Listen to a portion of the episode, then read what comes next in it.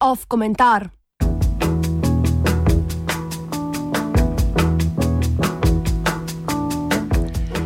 Javno zdravstvo med pandemijo in po njej. Teden dni je minil, odkar je vrak vzel šalo in je državljanom razpredelnico ukrepov, ki nas čakajo, moral predstaviti kar sam predsednik vlade. Stanje ni spodbudno. Iz dneva v dan lahko spremljamo naraščanje števila okužb in hospitaliziranih, zaradi katerih padamo iz rumene v oranžno, na to temnejšo oranžno in kmalo verjetno še v tri otenke rdeče faze, ko bo vrak vzel tudi verske obrede in poroke, ponovno pa bo razglašena tudi epidemija.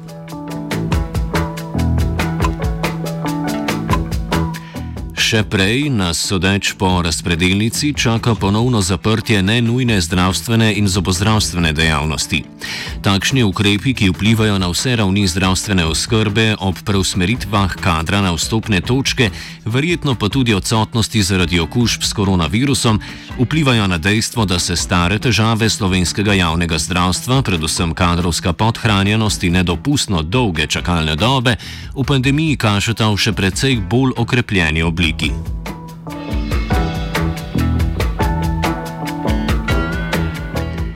Težav tudi v predkoronskih časih nobena vlada ni reševala sistemsko. Tipičen primer je neuspela ukinitev dopolnilnega zavarovanja, za kar naj bi že vsaj 15 let obstajala politična volja, pa do tega ni prišlo. Pandemija bi ob tem lahko pomenila sprožilec, ki bi vzpostavil strategijo na nekaterih ključnih področjih delovanja javnega zdravstva, ne samo za čas pandemije, pač pa tudi dolgoročno. Optimizma glede na videno do sedaj ne moremo čutiti.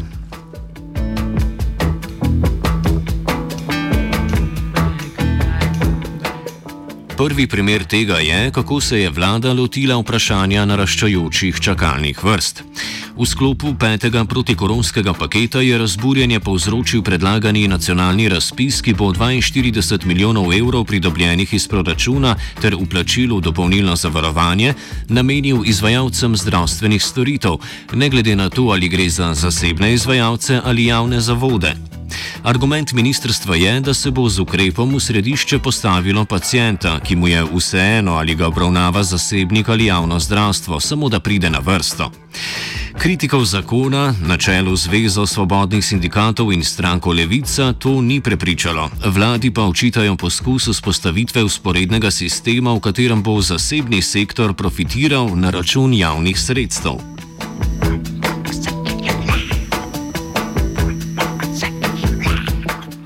Kot povdarjajo nekateri strokovnjaki, čakalne vrste v javnem sektorju namreč niso zgolj posledica pomankanja kadra, pač pa tudi pomankanja sredstev v zdravstveni blagajni. Kljub temu, da bi se na posameznih področjih v zdravstvu čakalne dobe dalo skrajšati že obstoječim kadrom, teh storitev ZZZS ne krije. Namesto tega nekateri zdravstveni delavci delujejo tudi kot pogodbeni delavci v zasebnem sektorju. Sodeč po razpisu, bi ti delavci torej reševanje čakalnih vrst lahko izvajali v zasebnem sektorju.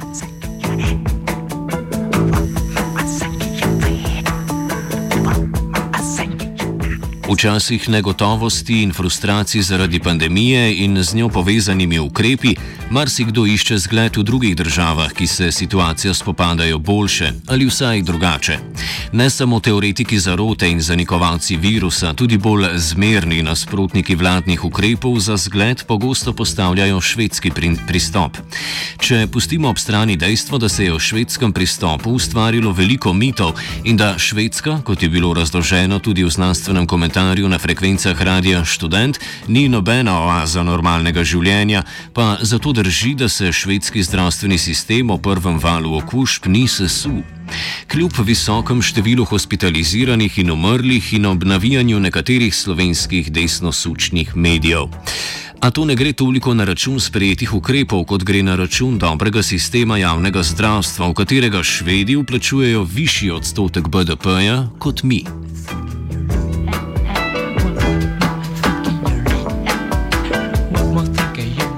Če je utopično pričakovati, da bi pri nas lahko zdravstvo po nordijsko reorganizirali, bi morda severnjake lahko vzeli za zgled vsaj pri postavljanju strategije na tistih področjih zdravstva, kjer je to lažje izvedljivo.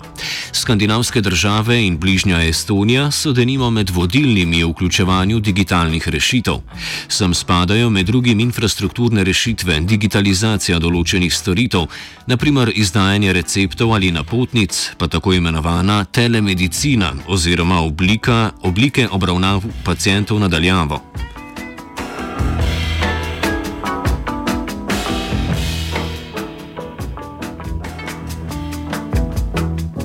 Slovenija je določene rešitve v preteklih letih že izvedla. Recepti in napotnice se izdajajo digitalno. Med drugim se je vzpostavila mreža Telecap, ki v, primeru, v primerih možganske kapi preko video prenosa omogoča obravnave pacijentov v bolnišnicah, ki sicer nevrološke službe nimajo na razpolago. Te rešitve so bile vzpostavljene v sklopu projekta e-zdravje, ki je deloval pod Ministrstvom za zdravje in je bil financiran iz Evropskega socialnega sklada in državnega proračuna. Projekt se je leta 2015 iztekel, njegovega nadaljevanja pa ni na vidiku. Rešitve iz projekta so po tem letu prešle pod upravljanje NJZ.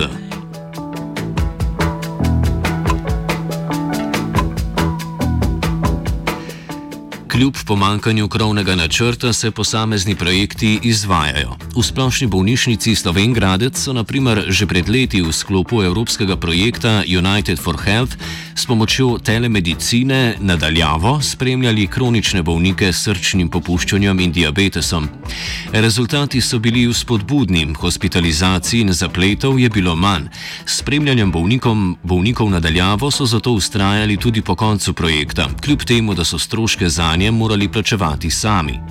Temu so sledili podobni projekti v drugih javnih zavodih. Strategija za upeljavo na nacionalni nivo je bila vložena na Ministrstvo za zdravje, a do odločitev očitno ni prišlo. Tudi ZZS ima vključitev telemedicine v košarico storitev zapisano v svoj strateški program, a do napredka še ni prišlo. Svoje mnenje naj bi namreč predtem moral podati še zdravstveni svet, ki pa se v času pandemije tako ali tako ne sestaja.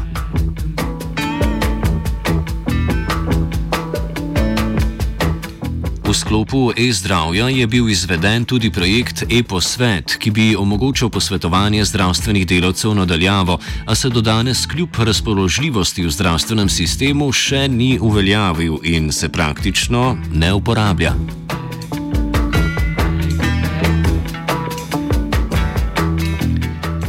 Na kratko. Učinkovite rešitve digitalnega zdravja bi v času pandemije, ko se prelagajo operacije in ko kronični bolniki ostajajo brez rednih pregledov, lahko predstavljale vsaj delno razbremenitev javnega zdravstva. Zato nam manjka krovna strategija, ki je nimamo od leta 2015 dalje. Pri nekaterih rešitvah, ki so dajale pozitivne rezultate, pa se zatika pri financiranju, kljub temu, da bi teoretično ti pristopi na dolgi rok lahko prihranili denar. Spet pri drugih rešitvah, ki so vključene v zdravstveni sistem, pa bodi si zaradi kompleksnosti, bodi si zaradi zastarele infrastrukture, ne prihaja do množične uporabe.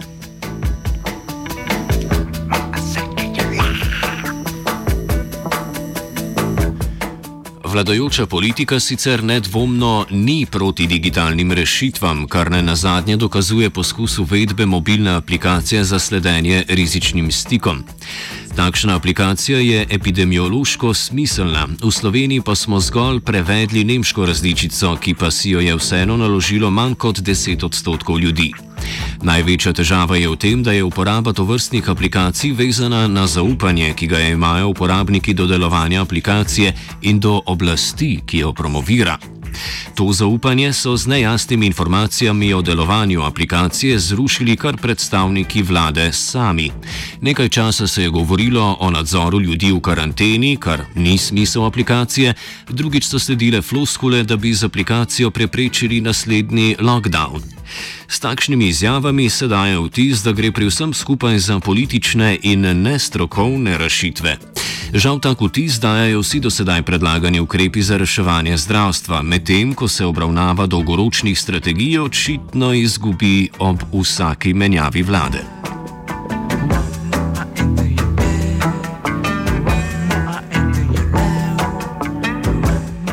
Komentiral je Jure.